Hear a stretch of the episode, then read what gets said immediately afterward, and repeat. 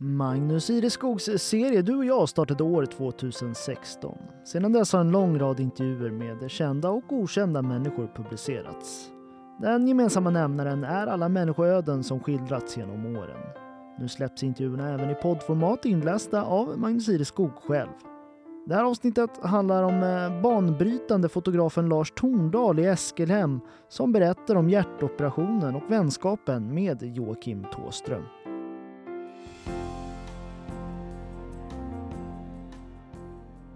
Tåström ringde. Och hjärtläkaren.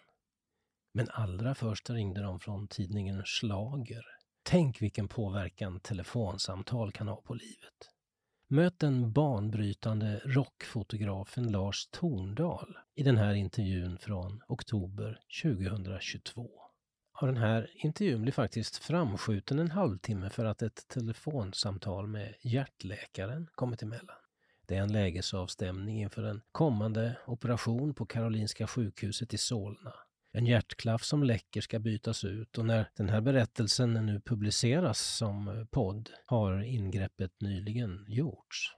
Ja, det är väl inget jag ser fram emot precis. Jag har opererats förr och vet hur kämpigt det kan bli efteråt, säger han, Lars, när vi träffas. Såga upp bröstkorgen med allt vad det innebär vad gäller läkning och rehabilitering. Men det är som det är, menar han. Bara att acceptera. Vad annat kan han göra? Det är tidens och livets gång, från ungdomlig odödlighet till att framöver skymta en målflagg. Så låt oss till en början uppehålla oss i det ungdomliga innan vi åter lägger oss på operationsbordet. Ungdomen, då hela livet var en konsertscen sedd genom en kameralins. I tidigt 80-tal var tidningen Slager en bibel för alla musikälskare. Ett magasin som trots namnet inte skrev om slagerlåtar utan främst skildrade den samtida postpunk-epoken. Jag var en flitig läsare och prenumerant, såg fram emot varje nytt nummer. Det var reportage om band som Kommando, M-Pig, Lolita Pop, Lustans Lakejer och Imperiet. Långa slingrande texter och inte minst bilder. Och en person som betytt så mycket i ungdomsåren, som gav mig som småstadskille möjlighet att kika som genom ett nyckelhål på den stora världen, måste jag ju bara göra en ordentlig intervju med. Så tänker jag, även om det tagit allt för många år. Två fotografer stod ut bland alla andra, Mats Becker och Lars Torndal. Märkligt nog hamnade båda dessa långt senare på Gotland. Mats Becker delar sin tid mellan Stockholm och Fårö medan Torndal sedan 20 år bor permanent med familjen i Eskelhem. Det bara blev så, säger han.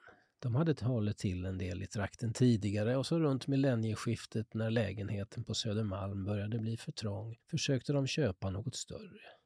Men det var för dyrt, såklart.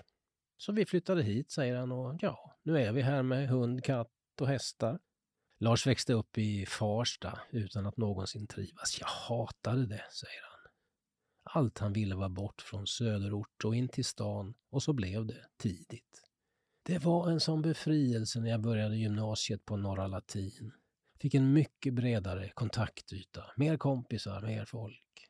Ganska snart flyttade han in hos sin flickvän som hade en liten etta, samma kvinna som är hans hustru idag. I efterhand noterar han att hans flytt till innerstan skedde samtidigt som punken började hända i förorten, men det hade han ju ingen aning om då. Trots det kom punken och dess efterdyningar att bli hans väg. Vi sitter i köket i det gamla stenhuset i Eskelhem. På vinden står de fotografier som under sommaren visades på Gässens saluhall i Visby under namnet 440. Det vill säga fyra år på slager för omkring 40 år sedan.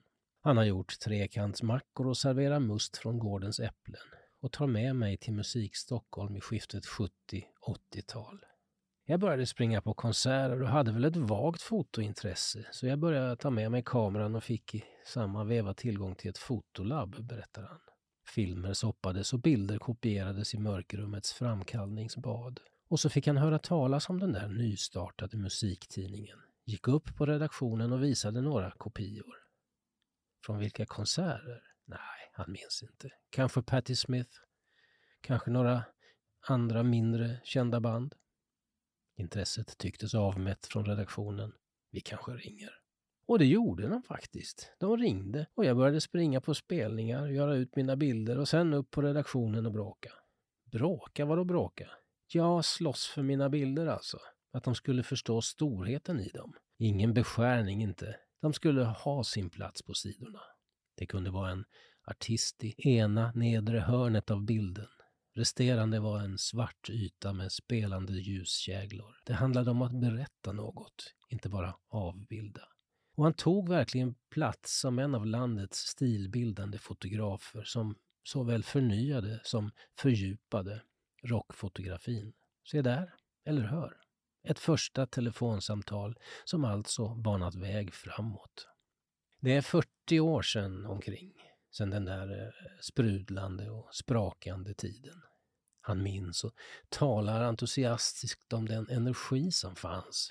En punkanda som bara såg möjligheter, inga begränsningar.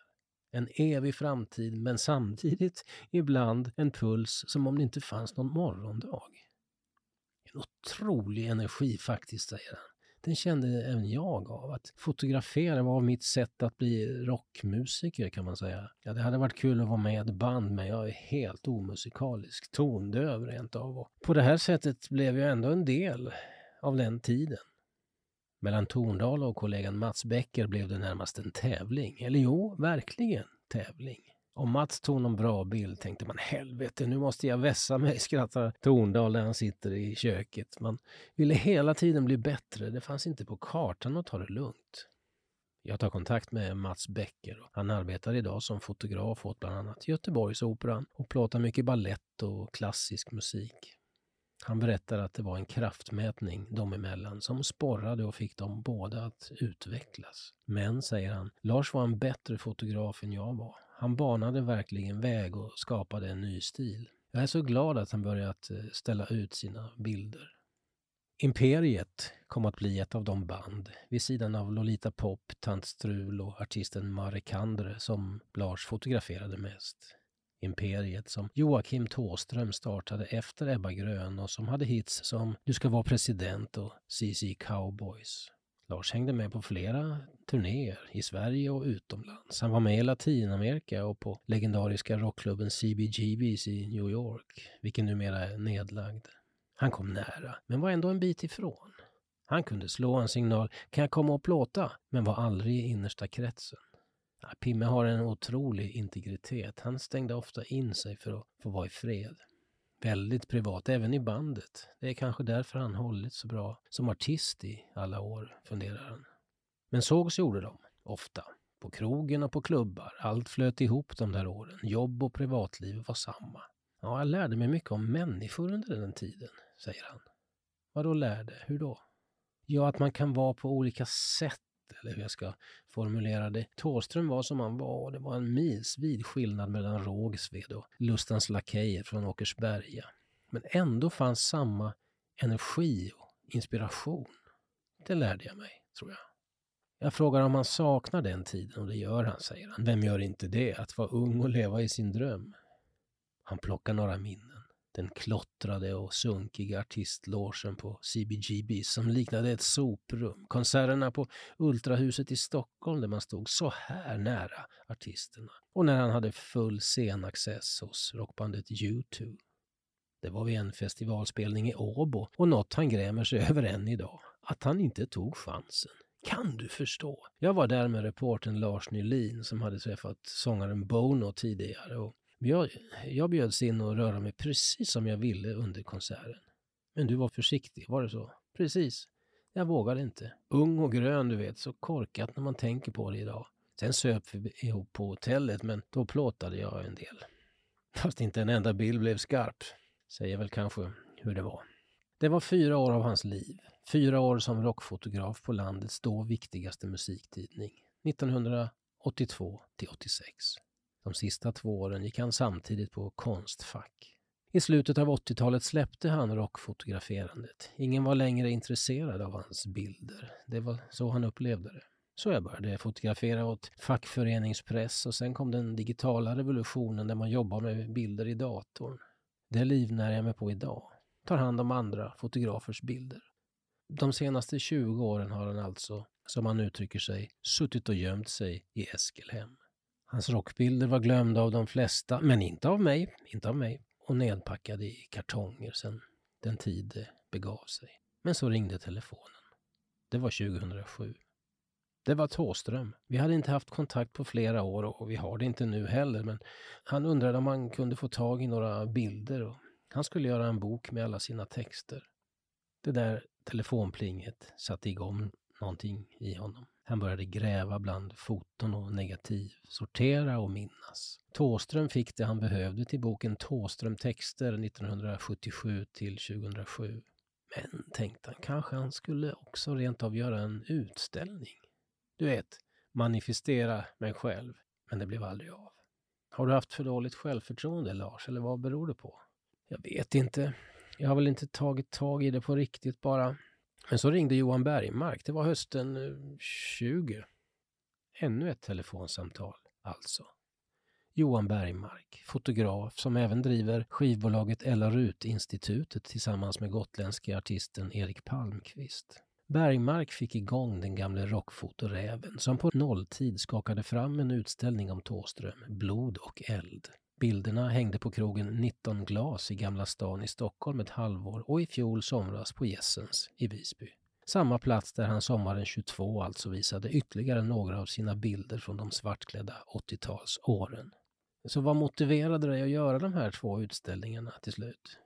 Att pröva om bilderna är relevanta idag, tror jag. Intressanta. Bildmässigt alltså, inte bara som nostalgi. Vad jag faktiskt upptäckte är att flera av dem berättar en helt annan historia idag, 40 år senare. Omkring fyra decennier har alltså gått. Han är 63 nu. Livet kanske inte precis leker, men han tycker fortfarande att såväl Imperiet som Tantstrul håller att lyssna på. Eller, ja, det där var kanske att eh, tumma lite på sanningen, för Ja, många av deras låtar håller väl, men själva produktionen gör det svårt att lyssna på. Det är samma med fotografier från 80-talet. Trender och ideal rent tekniskt känns som en belastning idag. Så därför har jag försökt kopiera om och ladda mina bilder på nytt. Han lever sina dagar på den gotländska landsbygden. Barnen är utflugna, kanske flyttar han och hustrun tillbaka till Stockholm en dag. Men det är ett framtidsprojekt. Kanske flyttar de till något mindre på Gotland. Ingen vet. Tiden får utvisa. Han har trots allt blivit lantis. Gillar att ha sig omkring i filttofflor och flanellskjorta, ta hand om hästarna, gå ut med Tuva, en finsk lapphund, och renovera på huset, det som aldrig blir färdigt. Ja, man får inse att man blivit till åren och anpassa sig till det. Men det är skönt att bli äldre också. Man blir lugnare. Inte samma oro som förr. Allra först ska det tas tag i hjärtproblematiken. Något som inte fanns i hans begreppvärld under ungdomsåren. Då var framtiden evig. Men redan 2011 opererades han för första gången. Då renoverades klaffen av en gammal skolkamrat som visade sig ha blivit hjärtkirurg. Du vet väl att jag imorgon rent faktiskt håller ditt hjärta i min hand, sa han med en blinkning när vi hade gått igenom operationen dagen före. Allt gick väl, men nu är det alltså dags för en reservdel. Den läckande klaffen ska bytas. Det är så det är. Han oroar sig inte särskilt. Men det är oerhört lärorikt att ha varit i den tunga vården. Jag är så otroligt imponerad av personalen. Av deras humor och värme. Det är riktiga proffs. Jag kan inte förstå hur de orkar med tanke på hur deras förutsättningar ofta ser ut. Och det var inför den här intervjun som hjärtläkaren ringde. Många samtal i den här texten. Han ville stämma av läget inför operationen. Det här kommer att bli bra. Du ska leva många år till, sa han, berättar Lars. Och det låter ju hoppfullt. Nu vill jag bara få det gjort. Ja, gillar du också Magnus Ireskogs intervjuserie Du och jag så finner du fler avsnitt på helagotland.se under poddar och program.